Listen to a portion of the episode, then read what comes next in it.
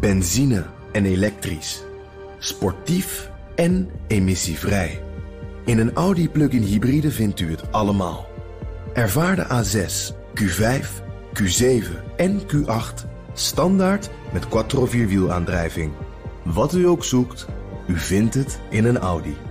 Audi. Voorsprong door techniek.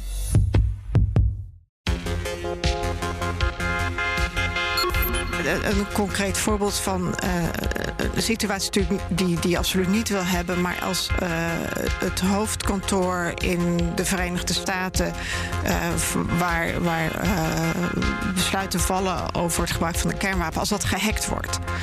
Dan zal daar een paniek ontstaan van kunnen wij nu nog wel ons verdedigen als er een aanval zal zijn.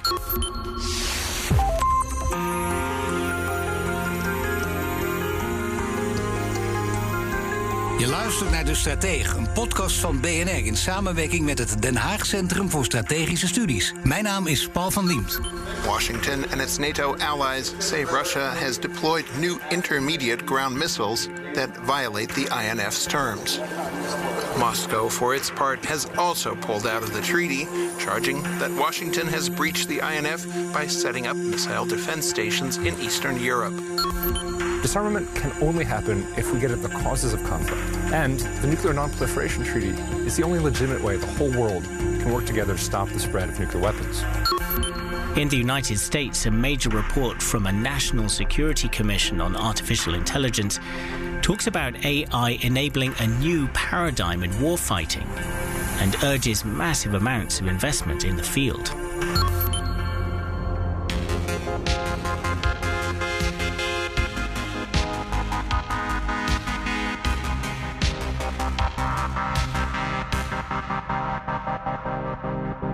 Tijdens de Koude Oorlog werd duidelijk dat de wapenwetloop een gevaar voor de mensheid vormde. Verdragen als het Non-Proliferatieverdrag, het Startverdrag en het IMF-verdrag zorgden uiteindelijk voor wapenbeheersing in de wereld in de 20e eeuw. Maar hoe anders is dat in de 21e eeuw? De concurrentie tussen verschillende machtsblokken en landen neemt toe. Net als de technologieën om elkaar te bestrijden. Kernwapens zijn al lang niet meer de enige dreiging. Wat te denken van kunstmatige intelligentie, cyber en de ruimte. Om wapenbeheersing in stand te houden is een nieuwe aanpak nodig. Hoe die eruit moet zien, dat ga je horen in deze aflevering van De Strateeg. Van mijn twee gasten Lotje Boswinkel, strategisch analist bij het Den Haag Centrum voor Strategische Studies. En Marjolein van Delen, speciaal gezant van de Europese Unie voor Non-Proliferatie en Ontwapening. A brilliant championship battle, but the championship can only be won by one, and it's going Dutch in 2021. Max Verstappen, for the first time ever, is champion of the world. Ja, dat kun je vaak genoeg horen. Dat mis ik niet. Eh, De wereldtitel van Max Verstappen, de Formule 1 afgelopen week. Hoe hebben jullie dit beleefd, eh, Marjolein? Ja, prachtig natuurlijk. En het leuke is dat ik ook van veel internationale collega's uh, gelukwensen en complimenten kreeg. Hoewel ik zelf helemaal niks gedaan heb. En dan meteen op dat, moment, uh, op dat moment ook onderhandelen of niet? Nou, het was zondagmiddag, dus dat... Uh... Oh, toch, de weekenden worden dan genomen. Nee, dat scheelt. Ja, oké. Lotje, hoe heb jij dit beleefd? Ja, nou, het was de eerste keer eigenlijk dat ik Formule 1 heb gekeken. en dat stelde dus niet teleur. Nee, nee, dat is waar. Nooit meer kijken ook, hè. Beter wordt het niet waarschijnlijk. Washington and its NATO allies say Russia has deployed new intermediate ground missiles that violate the INF's terms. Moscow, for its part, has also pulled out of the treaty, charging that Washington has breached the INF by setting up missile defense stations in Eastern Europe. Ja, Lotje, we gaan het hebben dus over de problematiek rondom de wapenbeheersing. Je hebt er met HCSS onderzoek naar gedaan. Als het gaat over wapenbeheersing, wat, wat verstaan we daar precies onder? Nou, wapenbeheersing dat hoort eigenlijk thuis in een breder spectrum aan maatregelen die um, ervoor zorgen die eigenlijk proberen de risico's op escalatie, zowel conventioneel als nucleair, um, te beperken. Dan heb je wapenbeheersing, dus waarbij je kunt denken aan verdragen die aantallen uh, moeten reduceren. Maar ook non-proliferatie, dus waar exportregimes bij vallen. Maar wacht even, non-proliferatie blijft toch ook een lastig woord, uh, niet verspreiden. Ja, dus inderdaad. Zorgen dat um, ook vanuit naar verschillende landen die wapens niet worden gekocht of naar niet-statelijke actoren. En dan heb je als derde natuurlijk ook nog ontwapening. Dus eigenlijk proberen het te bouwen naar een wereld waar we zo min mogelijk wapens hebben. En tot slot wil ik dan daar ook nog bij confidence building measures noemen. Ik vind eigenlijk niet dat je daar een mooie Nederlandse vertaling voor hebt. Oh. Ehm, misschien kan Marjolein me daar nog bij helpen. Maar daar gaat het dus om, als je die wapens hebt... hoe kun je dan zorgen dat ze zo ehm, op die manier worden gebruikt... dat ehm, ja, de risico's zo, zo beperkt mogelijk zijn. Dat is wapenbeheersing, maar bij wapenbeheersing heel concreet denken we aan de vorige eeuw en dan vooral uh, Amerika tegen de voormalige Sovjet-Unie. En dat was het altijd. Als die maar met elkaar in evenwicht bleven en heel veel verdragen sloten rond kernwapens vooral, dan was er uh, sprake van wapenbeheersing. Ik zeg het maar zo simpel mogelijk, maar zo kreeg je het een beetje op school geleerd. Het is nu dus wel anders aan het worden. Ja, vandaag de dag zie je dat het anders is. Nou, dat komt. Uh, natuurlijk met name doordat we niet meer alleen de twee grootmachten Amerika en Rusland tegenover elkaar hebben staan, maar ook uh, een land als China. Um, daarnaast zie je ook dat steeds meer, um, zeg maar anders dan in de Koude Oorlog, heb je nu een stuk of negen uh, actoren met nucleaire wapens. En daarnaast, um, maar daar gaan we denk ik zo nog uitgebreid over hebben, zie je dat we dus niet meer alleen hebben over uh, nucleaire wapens, maar dat ook steeds andere technologieën steeds belangrijker zijn en ook steeds meer risico's met zich meedragen.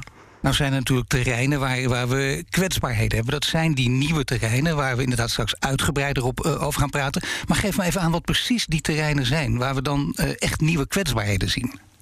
Ja, uh, dat is een hele goede vraag. Uh, je ziet, en dat is ook waar het rapport waar wij met HC6 aan hebben gewerkt de afgelopen maanden over gaat. Je ziet dat een aantal nieuwe technologieën in rap tempo uh, ja, uit de grond gestampt worden, wordt in geïnvesteerd. En dat deze nieuwe technologieën eigenlijk het risico op nucleaire escalatie uh, doen toenemen. Dat komt ten eerste omdat reactietijd korter wordt. Je ziet een aantal nieuwe rakettechnologieën die uh, steeds preciezer en sneller zijn. Daarna zie je ook wat je al noemde eerder, kunstmatige intelligentie, waardoor een deel van het proces wordt geautomatiseerd en daardoor ja, de kill chain korter wordt. Um, daarna zie je ook dat um, dat steeds meer um, wapens um, zowel nucleair als conventioneel kunnen worden ingezet. Dus een raket die zowel nucleair als conventionele koppen kan dragen. Of dat dezelfde communicatiesatellieten voor beide, voor beide uh, forces wordt gebruikt. Um, waardoor ook het risico van dat je verkeerd inschat of een aanval uh, nucleair of conventioneel is toeneemt. En op die manier um, risico's toenemen. En als laatste wil ik daar ook nog bij nemen, is, noemen, is dat kunstmatige intelligentie. Um, dat daardoor het informatieterrein eigenlijk steeds meer gecorrumpeerd wordt. Uh, denk bijvoorbeeld aan deepfakes. Um, en als beslissing, besli ja, beslissers um, niet over de juiste informatie beschikken of bang zijn dat de informatie die ze krijgen niet klopt, dan zie je dus dat um, ja, dan kan je in paniek verkeerde beslissingen maken. Maar ja, dat is toch wel interessant, hè? want deepfakes, dat, daar werd in het begin wat lacherig over gedaan. Daarna zien we hoe serieus het is. Het is zelfs op dit niveau speelt het dus een grote rol. Dus waar je niet eens zo gek lang geleden het had over wapenbeheersing en kernwapens, dat snap je, dat is afschrikwekkend gevaarlijk, moeten we bang voor zijn. Deepfake, eerst lacherig en daarna zien we dat het heel serieus is, dat dan een grote oorlog om, uh, om uitdraaien. Ja, zeker. Ja, um, dat, ja, de, de risico's daarvan die nemen echt wel toe. En ook omdat juist het een technologie is die misschien niet alleen aan de grootmachten is weggelegd. Nee, dan krijg je dat ook weer. Statelijke en niet-statelijke actoren, dat gaat allemaal door elkaar lopen. Dat wordt dus een hele gevaarlijke, bijna ondoorzichtige. En je zegt al, een, een, een strijd die ook veel sneller bekeken moet worden. Je kunt niet achteroverleunen, want je hebt een akkoord getekend. Nee, zeker. Uh, en dat is ook wel wat, wat een van de problemen is tegenwoordig. Vroeger zag je dat innovatie vooral werd gedreven door uh, statelijke, door, door, door, door militaire organisaties. En nu is dat heel erg komen te ver, verschuiven naar de industrie. Um, en inderdaad, daardoor kun je zeker als land niet achteroverleunen. Want je moet, je moet zorgen dat je bij blijft benen met die, met die de ontwikkelingen die in de private sector plaatsvinden ja, hele nieuwe rol dan natuurlijk ook voor de diplomatie. En uh, we gaan praten ook met uh, Marjolein van Delen, ook hier aan tafel. Speciaal vertegenwoordiger voor non-proliferatie en ontwapening bij de Europese Unie. En uh, nou ja, Lotje en ik kennen elkaar wat langer bij tutoyeren, maar dat hebben we afgesproken. Dat wil Marjolein ook graag, hè? Zeker. Nick, mevrouw van Delen, alleen als het heel gevaarlijk gaat worden, misschien schieten we in de U. We beginnen met je. Het hangt van de gesprekspartner hangt van, Ja, nou, wie weet. Internationaal doen we het anders. Hier heel graag. Zeker. Nu is het wel zo dat je, dat je zegt, kijk, de EU speelt hier een rol. Je bent speciaal vertegenwoordiger voor non-proliferatie en ontwapening bij de Europese Unie. Dan was dat vroeger draaide dat ook voor het gemak even vooral om kernwapens. En nu dus ook om al die nieuwe technologieën waar Lotje het over heeft. Ja, dat klopt. Uh, en natuurlijk ook chemische wapens, biologische wapens en, uh, en, en ook bijvoorbeeld kleine wapens. Er zijn heel veel terreinen waarop we proberen de hoeveelheid wapens in de wereld te beheersen en uh, idealiter naar nul terug te, te dringen. Maar die nieuwe technologieën die Lotje noemt, dat is inderdaad een hele grote zorg. Ik, ik deel helemaal de analyse van de, dat de risico's daardoor enorm toenemen. En we hebben daar internationaal nog geen goed antwoord op met elkaar. Oh, dat klinkt heel gevaarlijk. Want juist op het moment dat er geen antwoord is, dan denken degenen die kwaad willen, laten we dan nu toeslaan. Ja, de, dus de, de, ontwikkelingen gaan heel erg snel. En uh, je ziet dat, dat wat we internationaal doen, is toch um, neergelegd in multilaterale verdragen. In verdragen waar heel veel landen partij bij zijn. Als er niet heel veel landen partij bij zijn, dan heeft het meestal minder zin. En dat duurt een tijdje om dat voor elkaar te krijgen. Maar wat doe je in de praktijk? Want het duurt een tijdje, dat betekent praten. Dat hoort ook bij diplomaten. Daar worden vaak vervelende grappen over gemaakt. Maar ja, het kan niet anders, hè, want anders zou je elkaar te vuur en te zwaard bestrijden. We, we, doen het door te praten, door naar elkaar te luisteren, met elkaar in overleg te treden. Maar wat zijn de partijen waar jullie vooral mee praten? Um, eigenlijk met iedereen. Um, en dat zijn zowel andere landen, en dat, dat kunnen zijn de landen die we als, uh, als rivaal zien, uh, maar vooral ook de landen waarmee we de, zorgen delen en waarmee we samen willen optreden. Zoals uh, Canada of de VS en, en natuurlijk de, alle EU-lidstaten. Um, maar we praten ook heel veel met, met denktanks als HCSS en heel veel andere, omdat, daar, omdat het hele ingewikkelde problematiek is. We praten ook veel met de industrie waar deze, dit soort technologieën ontwikkeld worden. Hoe kan het gebruikt worden? Wat doen we ermee? Um, we proberen ja, zo, zo breed mogelijk eigenlijk met al die stakeholders te zien wat we hiermee kunnen. Maar laten we even die stakeholders die laatste weglaten. Maar eerst beginnen met die landen. Al die landen ja. waar jullie dan mee praten, waar de EU mee praat, al die landen hebben ook een eigen leger. De EU heeft dat niet. Dus je zou zeggen, ja, uh, waarom doet de EU dat niet gewoon onder de vlag van de NAVO? Ja, omdat de EU en de NAVO hele andere beestjes zijn, zeg maar. Het is inderdaad precies uh, dit, dat, dat verschil. Uh, de, de, EU de, draait mee in internationaal in de diplomatieke wereld. Wij zitten aan tafel bij het non-proliferatieverdrag. De NAVO doet dat niet, maar de NAVO heeft weer zijn leger. Er is goede samenwerking tussen de EU en de NAVO, maar we pakken elk onze rol. Dus ik zit. Nou, zijn grote instituten staan er niet zo goed op in deze tijd. Want die, die werken heel traag. Dat, dat begon al met de Verenigde Naties. Als het over andere problematieken nee. gaat. En je ziet het ook bij als het over klimaat gaat. COP26 kijken zoveel landen bij elkaar. Wat moeizaam. Dat lijkt me hier precies hetzelfde, of niet? Ja, dat, ja als, het, als het makkelijk was, dan was het, was het al geregeld, inderdaad. Nee, maar, maar traag, we... stroperig. En we weten al heel lang. Dus je ja. zou bijna zeggen: uh, het, het, is lastig natuurlijk. Maar ja. Uh, ja, daar moeten we toch iets op zien te verzinnen. om dat anders te doen dan in het verleden. Om het beter te doen. Nou, het, het, het belangrijke is om, om bij alle landen goed voor de ogen te krijgen wat de risico's zijn. Um, en dan ook het nog eens te worden over wat de oplossingsrichting is. Maar de landen die dit soort technologieën ontwikkelen, zijn vaak helemaal niet van plan om daarmee hun voordeel op te geven. Dus het is niet stroperig omdat het stroperig is. Het is stroperig omdat mensen het niet met elkaar eens zijn. Landen het niet met elkaar eens maar zijn. waar liggen vooral die kwetsbaarheden? Want uh, Lotje noemde net die hele reeks op. Uh, ik pik er dan ja. één uit. Ik denk, maar misschien is dat niet waar en corrigeer me graag, maar dat het met name op het gebied van AI ligt. Omdat daar verschillende definities over bestaan, dat je daar heel veel mee kan en soms heel weinig. Dat is dus ook heel dreigend. Daar kun je schemerige gevechten mee uitvoeren. Ja, dat, ja, en AI wordt op een heleboel manieren gebruikt. Maar dat wordt ook bijvoorbeeld uh, in, in militaire toepassingen gebruikt op een positieve manier. Bijvoorbeeld om de logistiek makkelijker te maken of om risico's voor um, uh, militairen in het veld te verlagen. Dus voor heel veel landen is het niet zo eenvoudig om te zeggen: AI mag niet. Want daar hangt van, elke auto heeft tegenwoordig uh, AI uh, als die niet altijd nee, daar, is. Daarom juist. Hè. Dus ja. Het heeft met verschillende toepassingen te maken. Ja. Positief, negatief. Bovendien inderdaad met definities. Ja. Maar uh, ja, u kunt natuurlijk wel bogen nu op een behoorlijke ervaring als EU-diplomaat. En wat haalt u dan uit als rode draad? Of waar haal je het dan uit als rode draad? Dat je zegt, nou dit valt me vooral op. Ik zie dat dit echt altijd in de gesprekken naar boven komt. En dit zien we vooral op dit moment als het meest dreigende. Um, als het grootste gevaar. Ook. Ten meeste als, als u dan even het, het beperkt tot het, het nucleaire terrein, is dat inderdaad het risico van cyberaanvallen op elkaars uh, command- en control systemen. De systemen waarmee je besluit of je een, een, kernwapen afvuurt of niet. En uh, het, het hebben van de verkeerde interpretatie van de dreiging van de tegenpartij. Dus inderdaad, door um, uh, AI een verkeerde beslissing nemen, een te korte responstijd hebben, niet goed signalen begrijpen van uh, de andere kant. Maar kun je daar misschien een voorbeeld van geven? Of is het voor een diplomaat heel lastig? Dat kan ik me voorstellen ook. Die zegt, nou, ik wil dit wel doen, maar ik ga er niet in concrete termen over praten. Maar ik hoor het liever wel. Ja, nee, natuurlijk. Um, uh, nou, een concreet voorbeeld van een situatie natuurlijk die, die je absoluut niet wil hebben, maar als uh, het hoofdkantoor in de Verenigde Staten, uh, waar, waar uh, besluiten vallen over het gebruik van een kernwapen, als dat gehackt wordt, dan zal daar een paniek ontstaan hè, van kunnen wij nu nog wel ons verdedigen als er een aanval zal zijn dan hangt het heel erg van de politieke leiding af. Of ze dan zeggen van nou, dat betekent dat we onder dat we aangevallen worden, dus we moeten nu reageren. En dat er daarmee een kernoorlog ontstaat.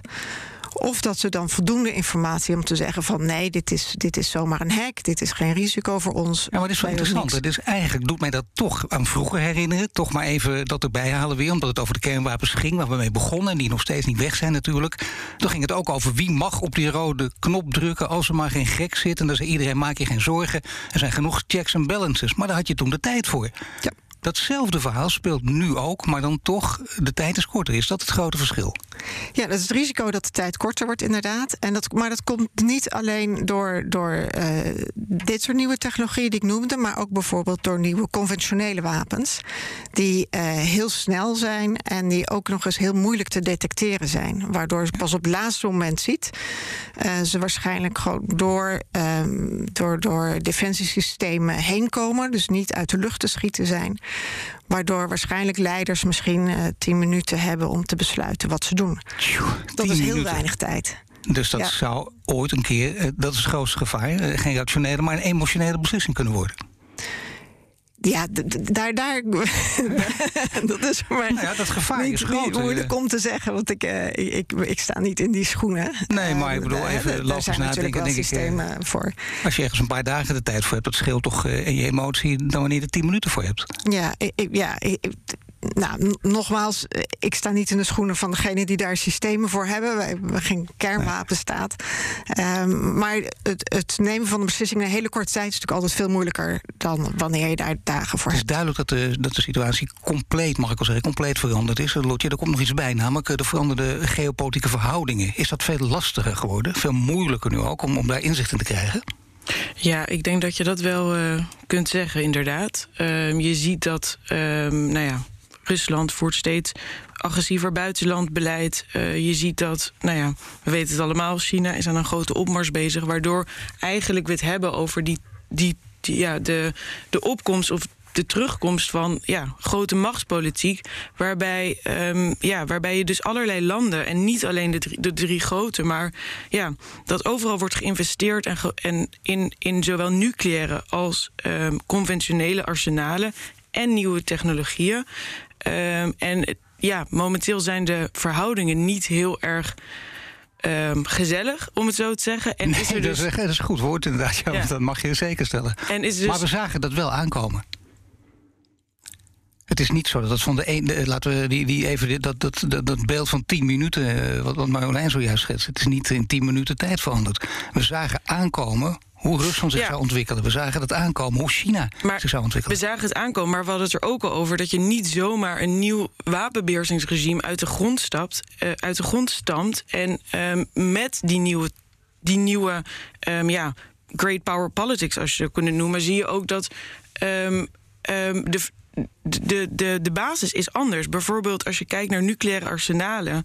ehm, Rusland heeft er iets meer dan 6000 heeft nucleaire kernkoppen. De Verenigde Staten ongeveer 5,5. Ja, die stonden ooit tegenover elkaar. Maar nu heb je ook China in de picture. En die heeft er 350. Ja, gaat China, heeft die dan zin om samen met Rusland en de Verenigde Staten te praten over het terugbrengen van arsenalen? Nou, nee. Nee, dat is heel duidelijk. Dat is een goed voorbeeld. Dan kun je praten over de oplossingen, want ik denk dat het daar hoog tijd voor is. Vinden jullie ook niet? Ik bedoel, we zijn nu, eh, ik zou bijna zeggen, een beetje bang gemaakt, maar op, op realistische gronden. Dat, dat is duidelijk. Er is echt serieus iets aan de hand. Maar er zijn gelukkig uh, oplossingsrichtingen voor wapenbeheersing. Kun je er een paar noemen, Lotje? Ja, zeker. Uh, ja, in de studie die ik al net noemde, hebben we dus eigenlijk een kader gemaakt waarin je eigenlijk de totstandkoming en in gebruikneming van een wapen eigenlijk uit elkaar split. Dus dan kijk je naar productie, proliferatie, wat we verspreiding noemen, inderdaad. Ja. Um, um, deployment, dus dat ze het gereed stellen, dus daadwerkelijk opstellen en het uiteindelijk in gebruik nemen. Nou, als je keek vroeger naar nucleaire wapens, dan was die keten. We hadden inderdaad uh, testbands om te zorgen dat ze minder makkelijk ontwikkeld worden. Je had non-proliferatieregimes. Um, je, had, um, je hebt treaties zoals New Start, om, die, om, die, om die aantal, de gereedstelling eigenlijk te beperken. En vervolgens had je afschrikking. Um, om op die manier um, ja, te zorgen dat je tegenstander ze gewoon niet, niet in zijn hoofd zou halen om het te gebruiken. Nou, met nieuwe technologieën is dat ietsje ingewikkelder. En daardoor, en dat komt door een aantal Um, dat komt door een aantal dingen. Nou, productie is moeilijker tegen te gaan. Het is moeilijk. Je kan niet echt uh, een testband voor een cyberwapen doen. Dat is heel ingewikkeld. Uh, proliferatie of verspreiding is ook heel ingewikkeld tegen te gaan. Omdat uh, heel veel, wat we al eerder noemen, heel veel van deze technologieën zijn dual use, zo heet dat. Dus dan zijn ze zowel voor de private sector als de militaire sector heel relevant. Uh, bovendien zijn steeds meer nieuwe technologieën ontastbaar. Dus algoritmes kun je veel minder makkelijk in transport detecteren. Ja, dat werkt gewoon op een heel andere manier. Um, als je dan kijkt naar de deploymentfase, ja.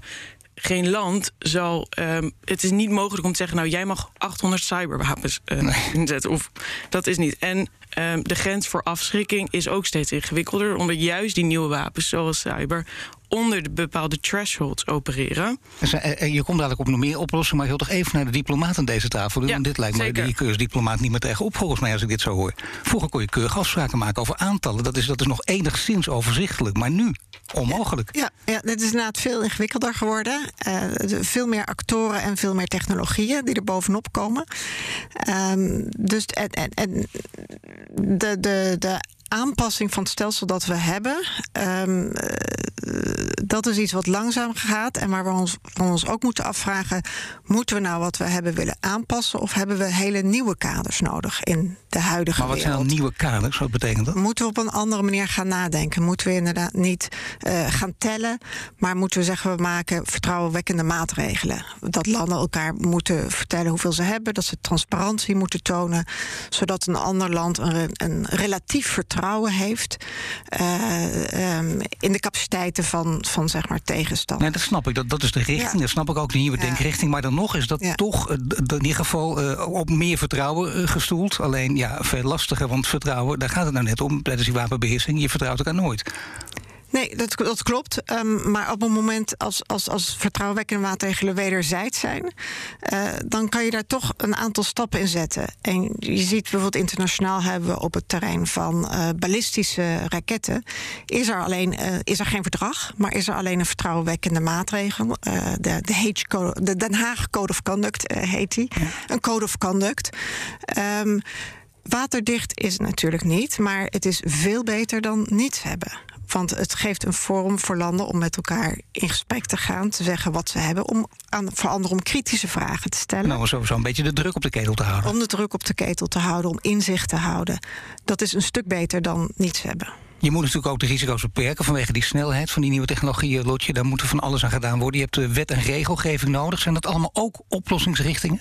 Ja, zeker. Nou, um, Marjolein die noemde natuurlijk al de vertrouwenwekkende maatregelen en ook al kort de normen en regels. Dus inderdaad, je ziet dat als het aankomt op kunstmatige intelligentie, je eigenlijk afspraken wil maken. Dat je, je kan niet zeggen we gebruiken het niet, want het heeft ook veel voordelen. Maar zorgen, oké, onder welke omstandigheden willen we het wel en niet gebruiken. Daarnaast denk ik, als je aan maatregelen denkt die juist op nieuwe technologieën zijn ingespeeld, je ook nog kan denken aan. Um, um, ja, ja, eigenlijk gewoon zorgen dat aanvallen steeds moeilijker wordt. Dus met, en daar kan bijvoorbeeld kunstmatige intelligentie bij helpen. Als je zorgt dat codes sterker worden geschreven, waardoor ze minder makkelijk kunnen worden aangevallen. Als je zorgt dat satellieten minder kwetsbaar zijn voor zowel elektronische als cyberaanvallen. Dat je daar ook moet zoeken. En um, daarnaast wil ik ook we hebben het al eerder benoemd, maar de industrie, de private industrie, uh, speelt een hele uh, belangrijke rol in ontwikkeling en ook de verspreiding van, van, van technologie die mogelijk militair verkeerd worden ingezet. Dus je moet die mee aan boord nemen en je moet met hun afspraken maken. Je moet bij hun bewustwording creëren. Um, en ze soms ook um, ja, misschien aan regels onderleggen. Bijvoorbeeld, je hebt Know Your Vendor Laws, waardoor je, waarbij je eigenlijk afspreekt. Je hebt een aantal je hebt bedrijven die eigenlijk offensieve cyberservices verkopen, waarmee overheden ook samenwerken. Je kan zeggen, joh, wij werken alleen met dat, die bedrijven die niet samenwerken met landen en instituten of hoe dat, entities die op door ons samengestelde zwarte lijsten staan. Dus op die manier het heel erg samen met de private sector doen. Ook als bedrijven zeggen, daar gaat mijn verdienmodel.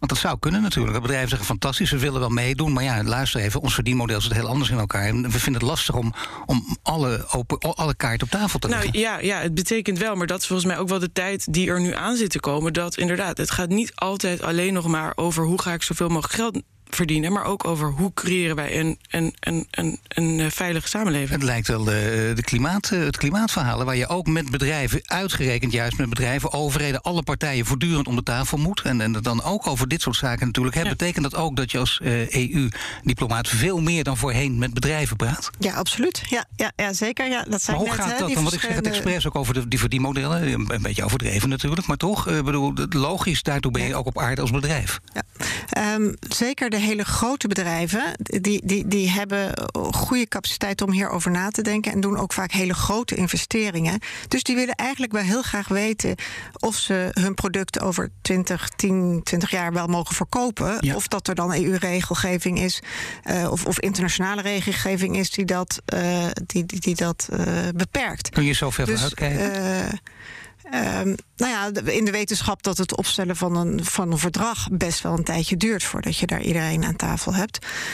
Um, maar voor, die bedrijven is het heel belangrijk om te weten welke kant gaat het op, wat voor, hoe gaan de normen eruit zien waar wij ons aan moeten houden. Anders investeren wij voor niks. Wat, misschien moet ik vragen, wat is ook een rode draad bij deze bedrijven? Waar maken zij zich het meest zorgen over? Want bedrijven willen lang vooruitkijken. Maar bedrijven zien dat er heel veel onzekerheden op ze afkomen. Op het gebied van een pandemie, op het gebied van klimaat. Ook op het gebied van wapenbeheersing. Waar ligt dan de prioriteit? Tenminste, is, is jouw idee? Um, nou ja, de, de prioriteit voor die bedrijven, maar dan ga ik in hun schoenen staan, is natuurlijk te zorgen dat ze, dat ze, dat ze overleven, continuïteit hebben en, en winst maken. En daarvoor moeten zij proberen uh, um, vooruit te kijken naar wat voor normen er denkbaar zouden kunnen zijn in de toekomst.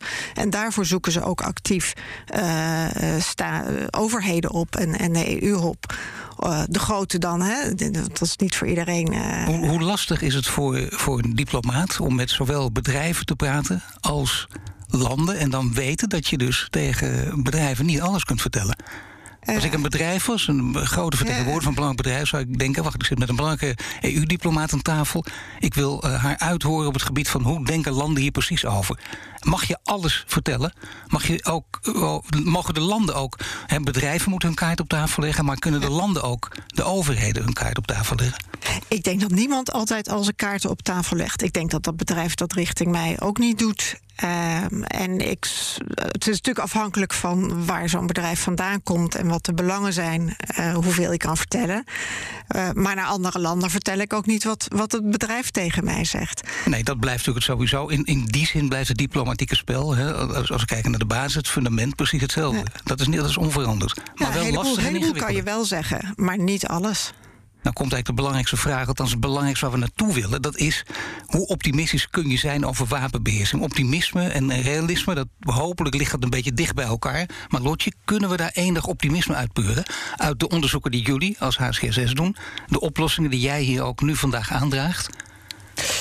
Uh, dat is een goede vraag. Ja, uh, ik denk uiteindelijk inderdaad, het is een grens tussen realisme en optimisme. En als je kijkt naar de politieke verhouding in de wereld uh, en de hoeveelheden vraagstukken en belangen en, en technologieën die, overal die erbij komen kijken. Het is gewoon heel complex. En um, we gaan dit niet heel snel hebben opgelost. Nu denk ik wel. En ook zeker als je dus wat ik aan het begin noemde, ziet dat heel veel um, nieuwe technologieën ook juist die destabiliserende werking hebben. En mo mo mogelijk ook kunnen leiden tot tot nucleaire escalatie, dan denk ik wel, daar zou je common ground kunnen vinden. Want niemand in de wereld is gebaat bij nucleair conflict. Dus je kunt misschien andere waarden erop nahouden als het aankomt op wanneer wel of niet kunstmatige intelligentie. Dat kan verschillen tussen landen. Maar zorgen dat het op zo'n manier wordt gebruikt dat het inderdaad niet tot onnodig korte of uh, ja, ondefinieerbare situaties leidt, daar is wel iedereen bij gebaat enige gevaar is vaak dat mensen zeggen: maar het wordt pas echt urgent. En dat zie je ook op heel veel terreinen. Het wordt pas echt urgent. Als het misgaat. Als het totaal misgaat. En is dat een beetje de sfeer nu? Misschien kan ik het beter nog aan Marjolein vragen, want dat merk je ook aan al die gesprekken die je, die steeds voert. Is, is, dat, is dat ook een soort angst op de achtergrond of niet? Nou, er is inderdaad zeker een, uh, ja, sense of urgency, uh, zoals we zeggen. er moet snel wat gebeuren. Um, het, het, is politiek vaak lastig om feiten, om, om gebeurtenissen vooruit te zijn. Um, maar het is wel work in progress. Je ziet dat er goede aandacht voor is. En een belangrijk moment voor ons wordt natuurlijk de toetsingsconferentie van non-proliferatieverdrag, die in januari plaatsvindt. We zijn heel blij dat ondanks de pandemie we in ieder geval elkaar weer kunnen ontmoeten. Uh, als er tenminste niks roet in het eten gooit tussen nu en dan. Want juist die persoonlijke contacten zijn in de diplomatie super belangrijk.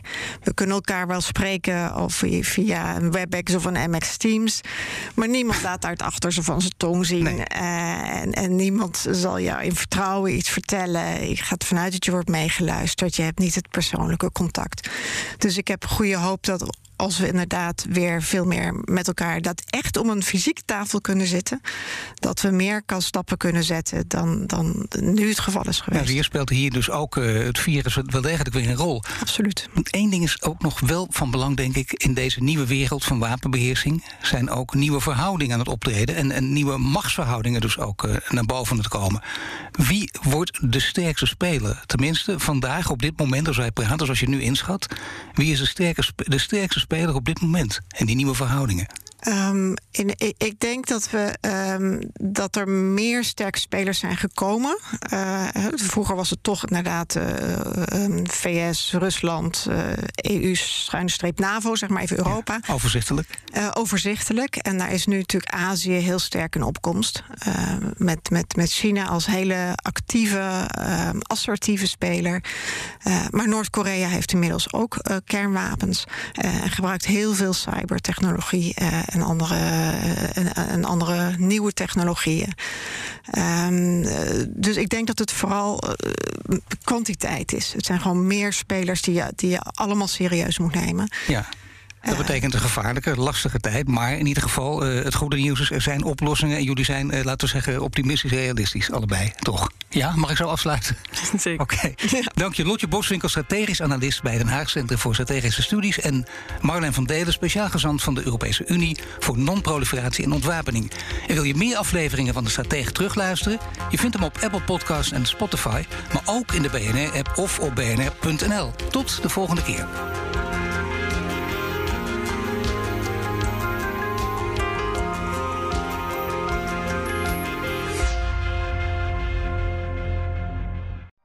Benzine en elektrisch. Sportief en emissievrij.